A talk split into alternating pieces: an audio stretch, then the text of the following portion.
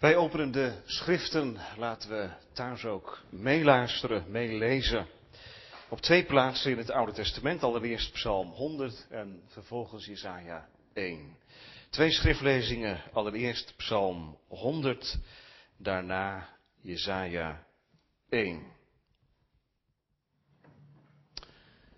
Psalm 100. Een lofpsalm. Gij ganse aarde juicht de Heere. Dient de Heere met blijdschap, komt voor zijn aanschijn met vrolijk gezang. Weet dat de Heere is God. Hij heeft ons gemaakt en niet wij. Zijn volk en de schapen zijn er weide. Gaat in tot zijn poorten met lof, in zijn voorhoven met lofzang. Looft hem, prijst zijn naam, want de Heere is goed.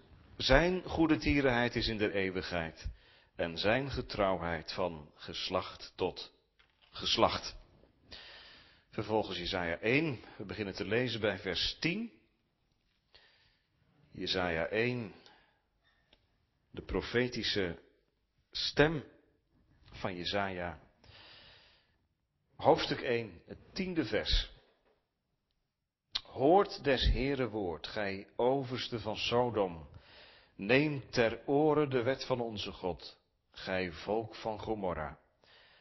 Waartoe zal mij zijn de veelheid van uw slachtoffers, zegt de Heer? Ik ben zat van de brandoffers der rammen en van het smeer der vette beesten. En heb geen lust aan het bloed der varren, noch der lammeren, noch der bokken. Wanneer gij voor mijn aangezicht komt te verschijnen, wie heeft zulks van uw hand geëist, dat gij mijn voorhoven betreden zou? Breng niet meer vergeefs offer. Het reukwerk is mij een gruwel. De nieuwe maanden en sabbatten en het bijeenroepen der vergaderingen vermag ik niet. Het is ongerechtigheid. Zelfs de verbodsdagen. Uw nieuwe maanden en uw gezette hoogtijden haat mijn ziel. Ze zijn mij tot een last. Ik ben moe geworden die te dragen. En als gij uw handen uitbreidt, verberg ik mijn ogen voor u.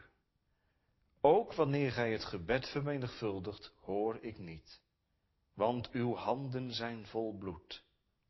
Wast u, reinigt u, doet de boosheid van uw handelingen van voor mijn ogen weg. Laat af van kwaad te doen. Leert goed doen, zoekt het recht, helpt de verdrukte, doet de wees recht, handelt de twistzaak der weduwe. Kom dan en laat ons te samen rechten, zegt de Heer. Al waren uw zonden als scharlaken, zij zullen wit worden als sneeuw. Al waren zij rood als karmozijn, ze zullen worden als witte wol. Indien gij lieden gewillig zijt en hoort, zo zult gij het goede van dit land eten. Maar, indien gij weigert en wederspannig zijt, zo zult gij van het zwaard gegeten worden. Want de mond des Heren heeft het gesproken. Tot zover. Tekst voor de verkondiging vindt u en vind jij in Psalm 100, het tweede vers. Psalm 100, het tweede vers. Dient de Heere met blijdschap. Komt voor zijn aanschijn met vrolijk gezang. Nou, en als we die woorden op ons in laten werken, op een avond als deze, in een tijd als deze, dan voelen we met elkaar hier en thuis aan dat dat heel om vanzelf sprekend is geworden. Zowel het een, het komen voor zijn aangezicht, als het ander. Met vrolijk gezang. Hoe moet dat? Hoe moeten we verder in de kerk als het zo nog een tijd gaat duren? Nou, daar zal het vanavond over gaan aan de hand van deze tekst. Gemeente hier en thuis met ons verbonden en meeluisterend. Dat is lastig een omleiding, of niet? Als je gewend bent om een bepaalde route te rijden van huis naar je werk, al is dat in deze tijd voor heel veel mensen natuurlijk niet meer in de orde, thuiswerken. Maar goed, als je gewend bent om ergens anders te werken, dan heb je na verloop van tijd een bepaalde route, die kun je gedachteloos rijden. Van A naar B. Totdat er een omleiding komt, hè, van die gele borden, volg A, volg B. En natuurlijk, je komt bij hetzelfde uit. Maar het vraagt wel even schakelen. En als een omleiding een week of drie, vier duurt, dan zit het helemaal in je systeem. Dan rij je als vanzelf ook weer gedachteloos met die omleiding erbij naar de plaats van je werk. Zo gaat dat met ons mensen. Lijkt wel een beetje op wat er nu gebeurt hè, met uh, kerken. Want het is al bijna, het gaat naar een jaar toe hè, dat we zo gehavend, dat ik het maar zo noemen. En zo voelt het ook wel, denk ik, hè? gehavend zijn. Gedeeld, verdeeld, verscheiden, gescheiden. Op zondag, door de week. Maar ja, je gaat er haast een beetje aan wennen. Ik als dominee ook. Want ik ben inmiddels gewend aan halfvolle kerk of nog minder. Hoe zag het er ook weer uit? Weet u het nog? Dat de kerk vol zat en dat u mee kon zingen uit volle borst. Nou ja, zegt iemand, het woord is er nog. En we hebben een camera hier in Andelst. Dus de mensen thuis die kunnen prima meekijken, meeluisteren. Dus eigenlijk. Nou, het is ook wel makkelijk. Thuis meeluisteren. Je hoort hetzelfde. Je ziet hetzelfde. En je kunt er nog een bakje koffie bij nemen ook. Wat wil je nog meer? Ja. Is dat hetzelfde gemeente? Ik zeg het een beetje, een beetje laconiek misschien, hè, maar is dat hetzelfde? En moeten we dan 26 vers 8, als we het straks naar de preek als antwoord zingen, eigenlijk maar schrappen? Hoe lief heb ik uw woning? Nou ja, daar kun je beter voor invullen, hoe lief heb ik je eigen woning? Hoe lief heb je je eigen woning? Want dan kun je het ook allemaal zien en volgen. Voelt u gemeente dat het een beetje schuurt, een beetje schrijnt, en dat is ook de bedoeling vanavond. Het woord mag schuren, moet schuren in onze tijd. Want helaas, helaas, signaleer ik veel te veel gemakzucht. En dat kan ik natuurlijk makkelijk zeggen in een gemeente die ik niet ken, dus ik weet ook niet hoe die hier is. Maar ik denk dat het niet anders is dan op al die andere plaatsen. Dat er een bepaald gemak insluipt. Wat moeten we dan, gemeente, met, met zo'n tekst hè, uit Psalm 100? Dien de Heer met blijdschap, kom voor zijn aangezicht met vrolijk gezang. Je kunt je er natuurlijk makkelijk van afmaken door vanavond te zeggen, ja dat was vroeger, dat was de tempel. We leven nu in andere tijden. Maar is dat zo? Natuurlijk leven we in andere tijden, maar we zeggen toch dat het woord van God gezaghebbend is ook voor vandaag. Wat heeft dit dan te zeggen voor ons vandaag in deze coronatijd? Iemand anders zegt, dominee, ik hoop dat we snel weer terug kunnen naar het oude normaal. Ik ben het helemaal met u eens. Dat, dat niet zingen, dat is maar niks. En die kerk die zo leeg is, ik hoop dat het snel weer terugkomt. Misschien, hè, over drie, vier maanden zitten we er allemaal weer. Ja, en dan? Zijn we er dan? Is dat de boodschap van vanavond? Dat we met z'n allen hartstochtelijk moeten verlangen naar hoe het was.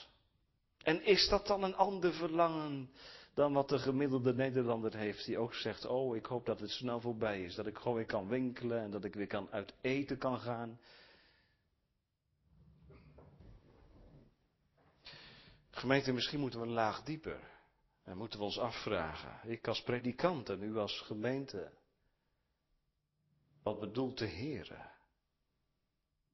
Zou de Heere blij zijn met hoe het was voor coronatijd hier in de gemeente? En blijf dan maar bij uzelf. Met mijn eigen kerkgang. Hoe ik er naartoe ging en naartoe leefde. Zou de goedkeuring van de Heer dat kunnen wegdragen? Dat is helemaal niet vanzelfsprekend, want we hebben Jezaja ingelezen. Schrok u ook? Jezaja 1? Hier lezen wij in Psalm 100, kom voor mijn aangezicht. En wat lazen we Jezaja 1?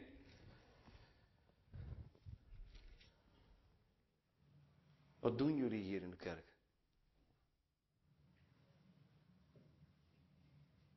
Blijf maar thuis. Wat doe je hier met al je offers en met al je vrome gedoe?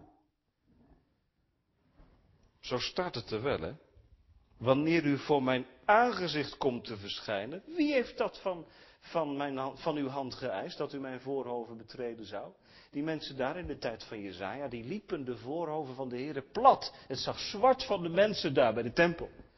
En God zegt niet, oh wat ben ik blij, al die mensen die om de tempel heen drommen. Moest kijken. Zou de Heer blij geweest zijn met alle volle kerken? Voor coronatijd? Nou, zegt hij, wat, dat kun je toch niet zeggen? Dat is toch alleen maar goed dat die kerken vol zitten? Die laagdiepe gemeente, die wil de Heer vanavond aanboren in ons leven. Hoe zaten we daar en hoe zitten we er vanavond? En hoe zitten we er ook thuis vanavond? En wat is er nou voor nodig om straks na de preek van harte te kunnen zingen? Wat blijdschap smaakt mijn ziel wanneer ik voor u kniel in het huis dat gij u hebt gesticht. De tent. O hemelkoning, die ge u ter eer hebt opgericht.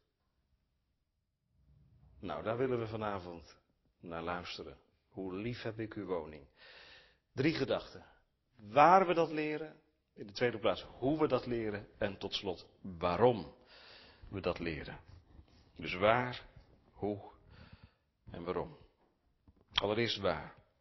Ja, kinderen, dat is een, hele een heel eenvoudig antwoord. Waar leer je nou het huis van God lief te hebben? Ja, dat is in, de, in het huis van God zelf natuurlijk. Dat is niet op afstand. En daarom lezen we ook in Psalm 100 die royale uitnodiging. Ganse aarde, juich voor de Heere. Dien de Heere met blijdschap. Kom voor zijn aangezicht met vrolijk gezang. Zo is God. Hij opent zijn hart in Psalm 100 en dan zegt hij niet bekrompen, benepen, het huis van God, dat is voor een enkeling. Nee, het is al een beetje Pinkster in Psalm 100, ganse aarde. En Handelingen 2 zal het ook daadwerkelijk gebeuren. Dat de heidenen erbij gehaald worden. En dat ze bij Israël ingelijfd worden. Dat de middelmuur des afscheidsels afgebroken wordt. En dat er één gemeente ontstaat uit Jood en Heide. Maar hier, hier zie je al de contouren oplichten van de God die het oog heeft op die hele verloren wereld. Gij ganse aarde, juich voor de Here. Even heel, hele snelle lijn naar vandaag gemeente. Dat, dat moet de gemeente van vandaag ervan overtuigen dat de kerk niet alleen maar is voor een groep OSM'ers. Begrijpt u wat ik bedoel? Ons soort mensen. De kerk is alleen een plek voor mensen die hetzelfde denken als wij. Nee, de kerk is de plaats waar zondaren welkom zijn. Wie ze ook zijn en wat ze ook gedaan hebben en hoe ze er ook uitzien. Toch? Gelukkig staat hier bij de deur geen koster die zegt, jij komt hier niet binnen, want jij hoort hier niet. Tenminste, dat geloof ik niet. De kerk is de plaats waar criminelen, zondaren komen. Nou zegt u, maar dat was vroeger niet zo in de tempel hoor. Dan kwam niet zomaar iedereen binnen, hè? dat is ook zo. Dat weten de kinderen ook wel, hè? Je kon niet zomaar in de tempel. De priesters, die mochten naar binnen. En de hoge priester mocht nog verder. Die mocht helemaal in het heilige der heiligen komen. één keer per jaar. Maar al die andere mensen dan? Al die gezinnen, die mannen, die vrouwen, die Israëlieten die rond die tabernakel woonden in de woestijn. Ja, die konden wel dichtbij komen. ze mochten door de voorhang, door dat gordijn, door die voorhof naar binnen. Met hun rammen en lammetjes, met hun offerdieren. En dan mochten ze het handen geven en dan nam de priester het over. En wie kwam als zondaar met schuld beladen en zich verootmoedigde voor het aangezicht van God, die mocht het weten. De priester neemt het over. Hij slacht het lam. In mijn plaats. De schuld wordt op het lam gelegd. En je ging verheugd naar huis. Zo was het. En zo is het nog. Al is, nogmaals, hè, al is de kerk niet geen tempel. Dit is geen heiligdom in de zin dat hier alleen maar een priester of een dominee naar binnen mag komen. Gelukkig maar. Maar goed, Psalm 100 wil ons bijbrengen, gemeente. Het heiligdom van God, dat is een plaats waar de aarde welkom is. Al zo lief heeft God de wereld gehad, dat Hij zijn enige geboren zoon gegeven heeft, opdat er ieder die in Hem gelooft niet verderven. Dien de Heer met blijdschap, kom voor zijn aangezicht met vrolijk gezang. Valt u op, gemeente, dat er emoties genoemd worden in deze psalm? Ik zal ze even noemen. Juichen. Nou, als ik aan de kinderen vraag, wat is dat? Juich. Heb je wel gejuicht? Wanneer juich je? Dan als je heel blij bent. Dan juich je. Hè? Dan, dan gooi je je hand in de lucht en dan, dan, dan, dan, dan lach je en dan, dan schreeuw je van blijdschap. Dat is juichen. Dien de Heer met blijdschap, ook een emotie. Kom voor zijn aangezicht met vrolijk gezang. Ziet u? Allemaal emoties, allemaal reacties vanuit het hart. En dat is gemeente waar het de Here om gaat in de kerk. Mag ik het zo zeggen? Om het hart. Om het hart. Wat er van binnenuit als antwoord op wie God is, op wie God in Christus is, bovenkomt. En dat is dan ook de kritiek van Jezaja. We hebben het samen gelezen. Want u vraagt zich misschien af, waarom is Jezaja zo scherp geweest toen in die tijd? Waarom zei hij niet, wat, bent u, wat ben ik blij dat al die mensen er zijn. Kom binnen, kom binnen, want het huis van de Heer, dat is een huis voor de ganse aarde. Nee, dat zegt Jezaja niet. Jezaja moet zeggen, jullie komen hier in de tempel om te offeren, maar God is er moe van. Hij verdraagt het niet langer. En zelfs uw vastendagen zijn voor hem een belasting. En u denkt, hè, u denkt dat God luistert naar u. Maar hij verbergt zich voor u. Waarom? Waarom zo kritisch, Jezaja? Omdat het hart er niet in is. Lees maar in vers 16. Wast u, reinigt u, doe de boosheid van uw handelingen van voor mijn ogen weg. Het was een vrome poppenkast, gemeente. Dat was het. Het was een sleur geworden. De gang naar de tempel. En nu komt het dichtbij. Want hoe is dat met ons? En hoe was het voor coronatijd? En gemeente, ik ga, niet, ik ga dat niet voor u invullen.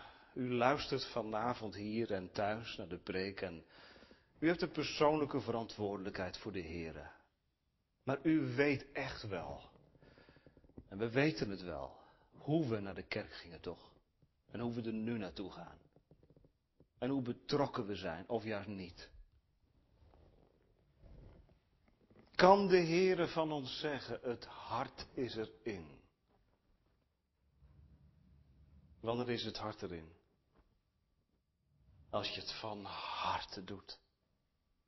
Als de taal van de psalmen jouw taal is, hoe branden mijn genegenheden om zere voor of in te treden. Waarom dan?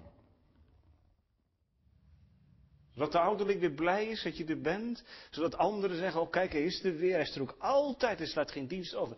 Nee. Nee. Waarom ging je naar de tempel? Wat heb je daar te zoeken? Wat je daar te zoeken hebt, gemeente? Verzoening. voor je schuld. Kinderen, ik ga jullie de gelijkenis vertellen, die de Heer Jezus ook verteld heeft. De gelijkenis van de fariseer en de tollenaar. Twee mensen die gingen allebei naar de tempel toe. Allebei. En de Heer Jezus maakt duidelijk dat je op een verschillende manier de tempel binnen kunt gaan. Want die fariseer, oh natuurlijk ging hij naar binnen. En hij ging zelfs voorin zitten, staan. En hij bad en hij dankte. Oh, wat was hij blij dat hij niet was als die zondaar achter in de tempel. En dan is er nog iemand. Die tollenaar. Die is ook in de tempel, achterin. Hij durft zijn ogen niet op te slaan. Hij slaat zichzelf op de borst uit schaamte. Hij roept het uit, o God, wees mijn zondaar genadig.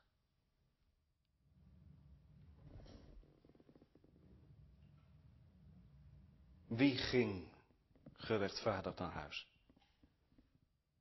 Wie diende de Heere met blijdschap?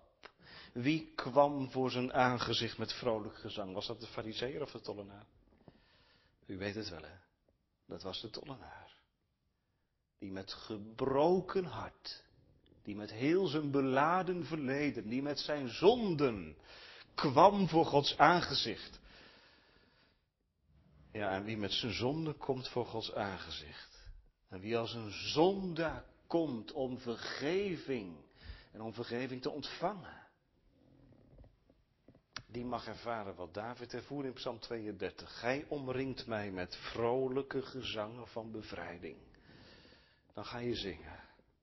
Door de tranen heen, met gebroken stem, wellicht. Maar God is goed. Voor zo'n slecht mens als ik ben. Is het hart erin, gemeente? Nou, misschien luistert de jongen mee die zegt, nou, ik moet alle mogelijke moeite doen om één dienst mee te luisteren. Het is dat mijn ouders dat van me vragen, maar het is natuurlijk makkelijker dan ooit om gewoon diensten over te slaan. En ik snap het ook wel, hè, want je bent de hele week al online. Voor school en zo, en dan op zondag ook nog. Dat valt ook niet mee. Dat is ook zo. Nou zegt iemand, ik heb de neiging om af te haken, want het zijn me al weinig, maar nu op afstand zegt het, zegt het me helemaal weinig. Dat kan, hè, ik hoor dat ook. Misschien zijn ze hier ook wel in anders. Jongeren, ouderen. Die zeggen, het zegt me niet zoveel meer. Wat zegt de Heer dan vanavond? Zegt de Heer dan bij wijze van spreken, daar is de deur wegwezen. Nee. Dat is een wonder. Tegen mensen die zeggen, het zegt me niet zoveel meer. Zegt hij, dien de Heer met blijdschap. Ja, dat is makkelijk gezegd. Hoe kun je nou iemand aansporen om blij te zijn, om de Heer te dienen. Je kunt toch geen emoties opwekken bij anderen? Als je helemaal niks hebt met de Heer, kun je toch niet zeggen tegen zo iemand, je moet de Heer dienen met blijdschap. Dat werkt toch niet? Dat gaat toch niet?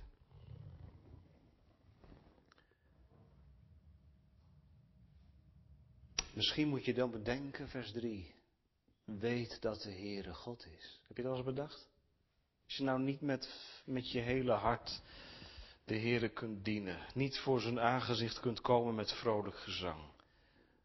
Moet je eens bedenken wie Hij is.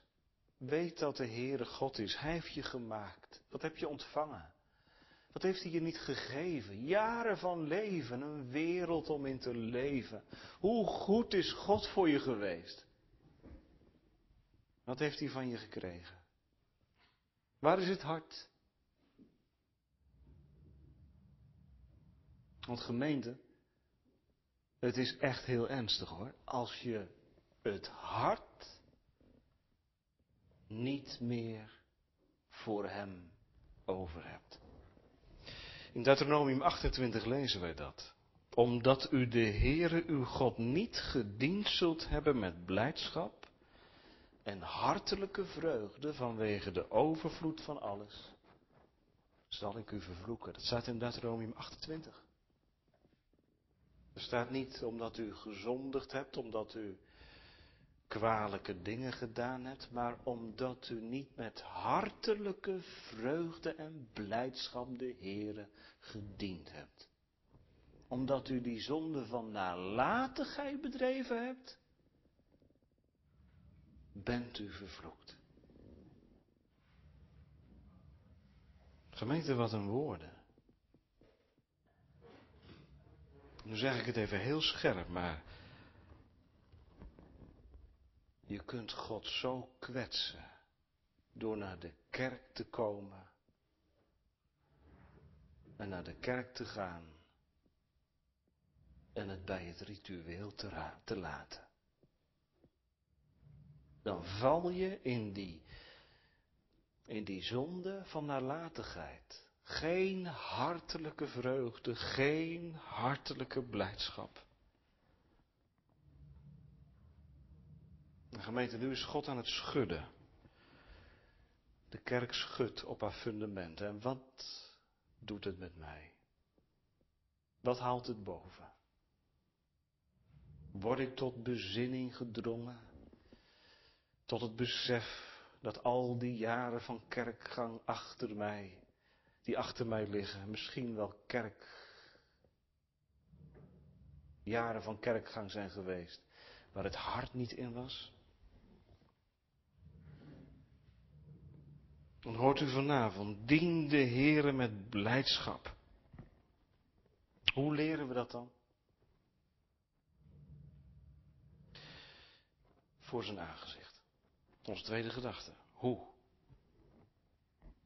Voor zijn aangezicht, kijk maar. Kom voor zijn aanschijn met vrolijk gezang. Je moet daar even iets bij zeggen. Kom voor zijn aangezicht. Wat betekent dat? Nou, kinderen, misschien. Uh,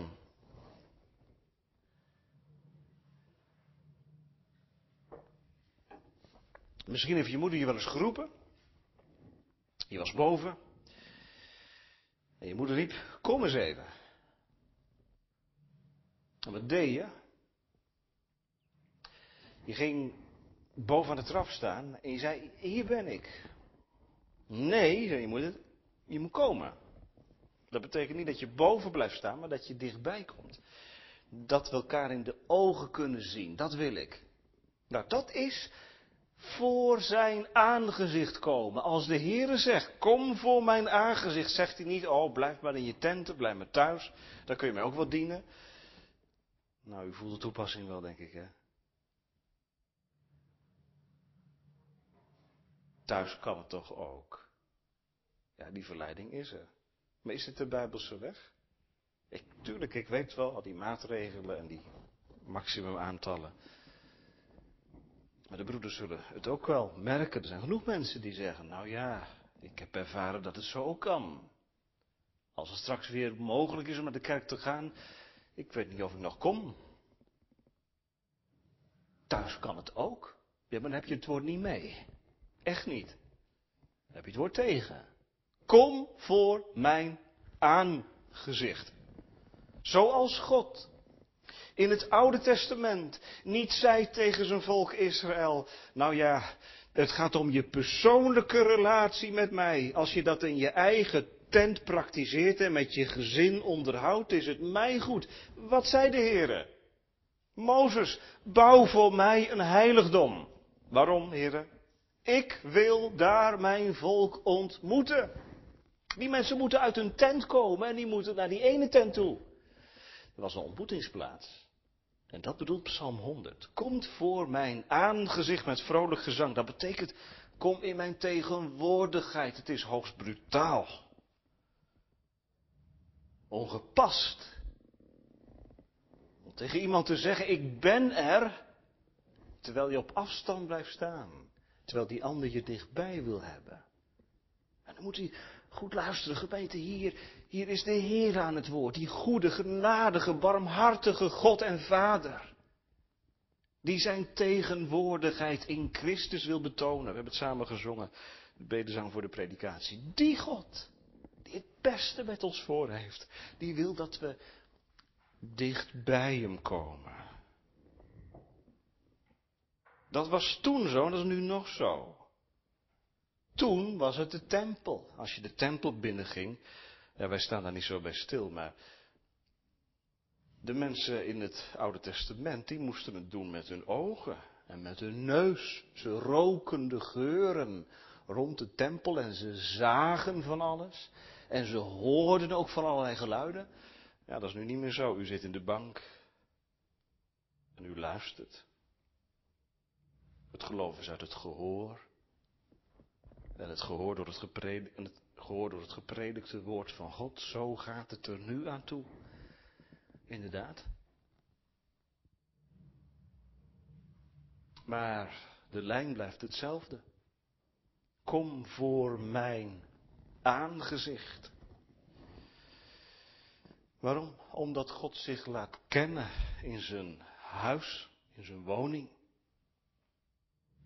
Tuurlijk, je kunt God ook in de natuur ontmoeten. Zijn heerlijkheid, zijn majesteit. Maar zijn genade en zijn barmhartigheid vind je niet in een strandwandeling. En in een boswandeling. Die vind je daar, waar het bloed van de Heer Jezus Christus op de harten van de hoorders wordt gesprenkeld. In de samenkomst van de gemeente. Daar. En dat is eeuwenlang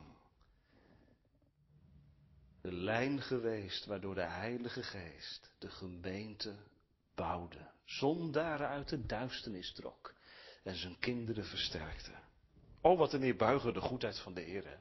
U mag het vanavond horen, weer horen. Jij thuis, u hier. Kom voor mijn aangezicht, zonder reserve. Kom maar. Wat een uitnodiging. Ben je gekomen? Kom je vanavond? Hoe kom je dan? Ik kan toch niet zomaar voor zijn aangezicht komen, zegt die man. Hij is heilig en ik ben onheilig. Ja, dat is ook zo. Je kwam ook niet zomaar in de tempel, maar vanavond mag ik u zeggen. Je bent niet in de tempel, maar wel in de kerk. En er loopt een weg van Golgotha naar de kerk. Er loopt een bloedspoor naar uw bank toe. De weg wordt gewezen. Volg het bloedspoor. Volg het bloedspoor. Toen u hier binnenkwam, stond de deur open. U hoefde zich niet door de ingang te wurmen. Er was een royale toegang teken van wie God in Christus is. Kom, zoals u bent. Om te ontdekken wie Hij is. Ja, daarvoor ben je in de kerk. Hoe leer je dat nou? Hoe lief heb ik uw woning? Hoe?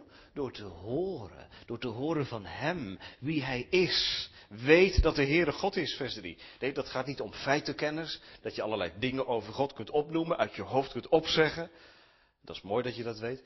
Maar het gaat om die re relatiekennis, die geloofsband. Weet dat de Heere God is. Geloofswetenschap.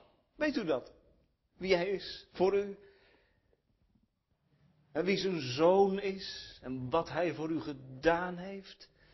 Weet dat de Heere God is. Nou, dat, dat ga je in de kerk leren.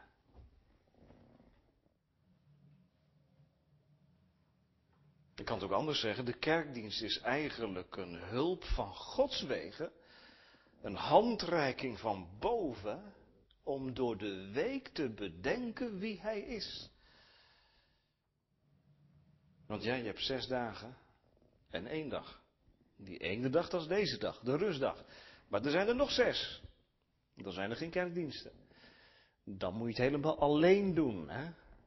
Dan is er geen gemeenschap. Ja, die is er wel, maar die zie je op, op zondag alleen. Nou, de Heer heeft in zijn goedheid die diensten gegeven. Om aan het begin van de week u te wijzen op wie Hij is. Zodat u aangespoord wordt op maandag en dinsdag het van Hem alleen te verwachten. Jonge mensen, wij hebben geen weekend.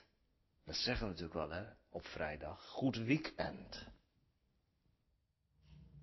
Maar een christen heeft een week begin. Dat is de zondag.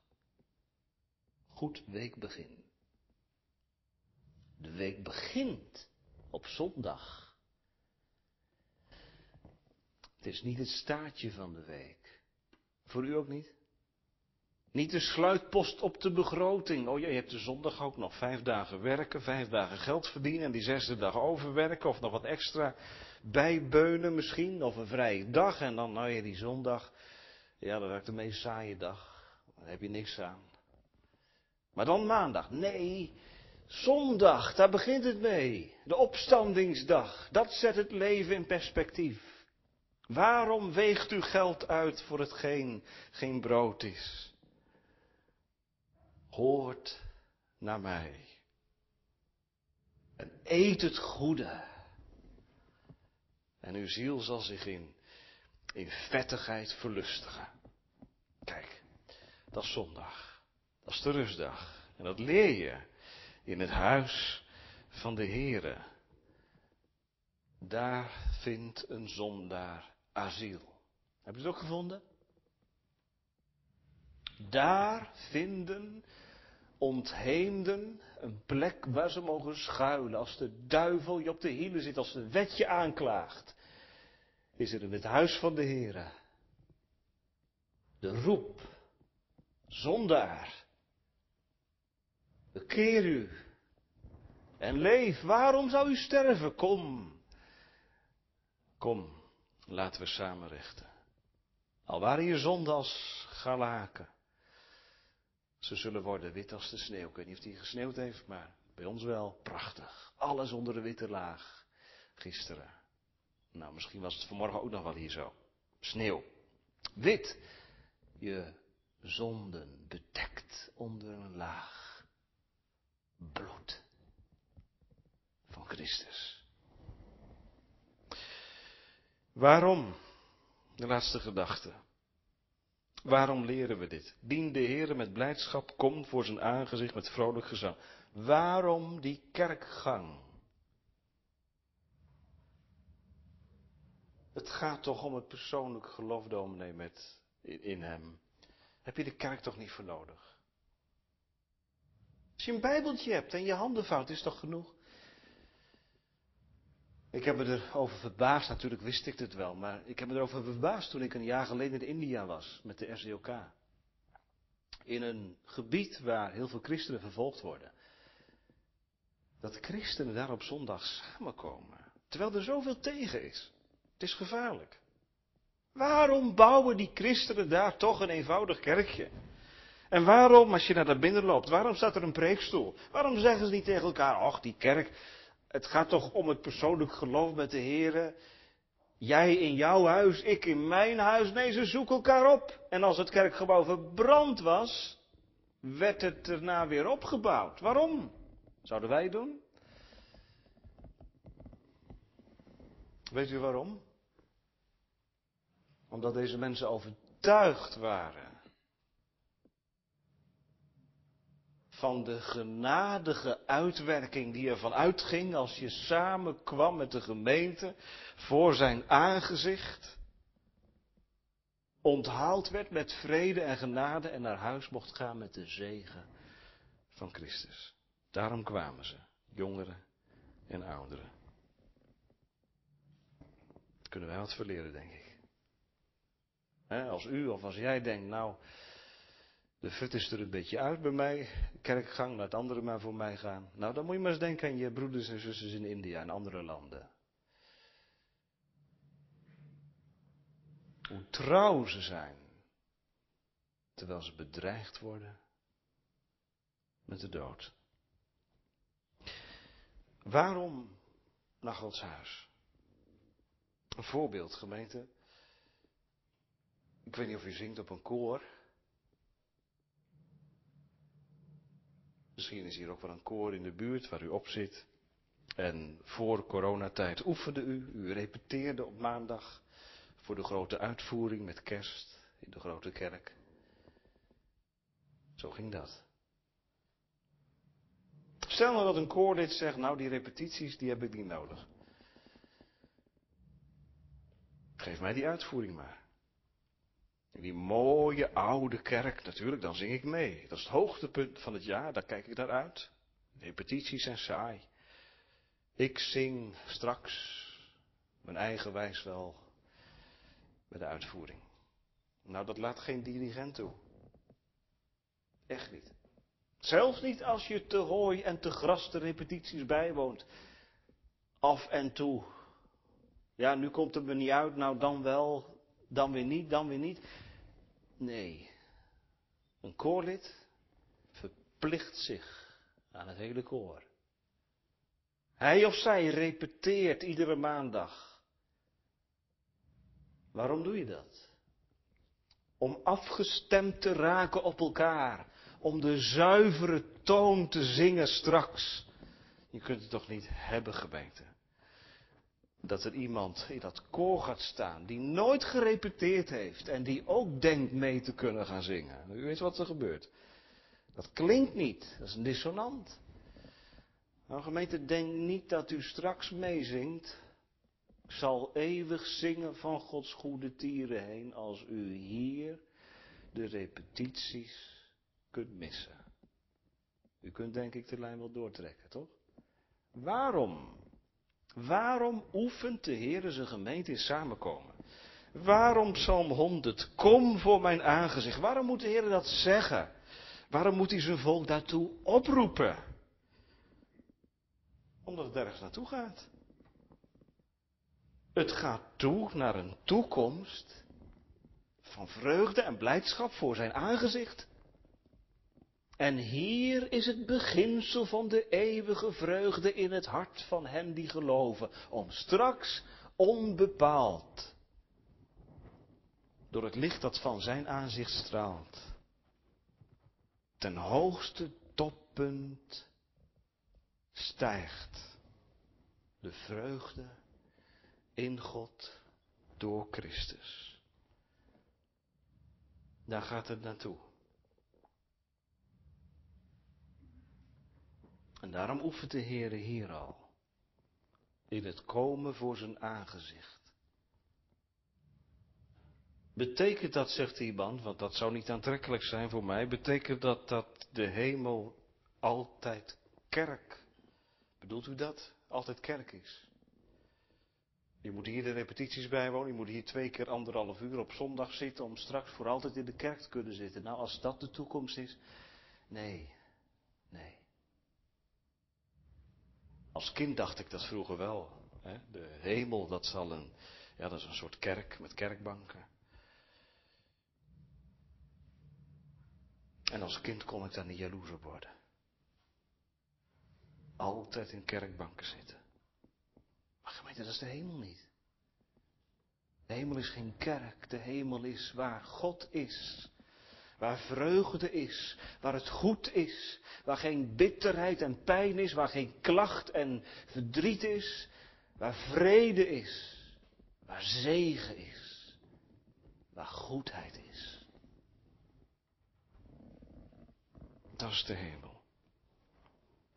En het gaat toe naar de nieuwe hemel en de nieuwe aarde, waarop zijn volk woont en voor zijn aangezicht leeft en God goedkeurend, vol liefde, zijn gunstgenoten ziet. Gemeente, wie hem hier nooit onder ogen kwam, die zal hem straks onder ogen moeten komen en zijn ogen moeten neerslaan.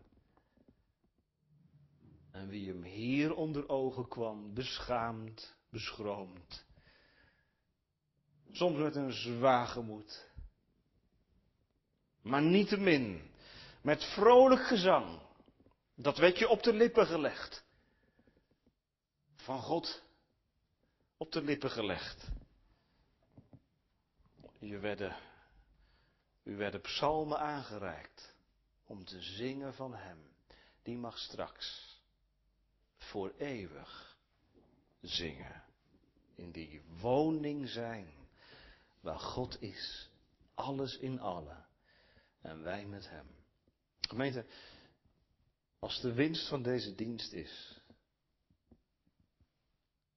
dat we het niet meer zo makkelijk nemen met de kerk gaan. Oh ja, naar de kerk gaan. Ja, dat hoort er nou eenmaal bij. Als dat de winst is. Wat we vanavond gezien hebben. Dat ons heil ervan afhangt.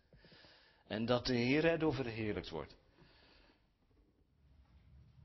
Dat zou een zegen zijn. Deze vreugde, die wil God uitdelen. Aan allen die vanavond met lege handen kwamen, luisterden, noodgedwongen thuis luisterden, met lege handen kwamen en voor zijn aangezicht hun ogen opsloegen en ontdekten, werkelijk, God is geen God van wraak, maar God is een God van genade. Hem heb ik lief, omdat Hij mij eerst heeft lief gehad. U behoor ik toe, omdat U uw leven gaf voor mij. Nou, dan is het waar. En dan zing je het. Hoe lief heb ik uw woning. Daar hoor ik thuis. Daar moet ik zijn. En daar oefen ik mezelf. Om straks voor altijd bij u te zijn. Amen.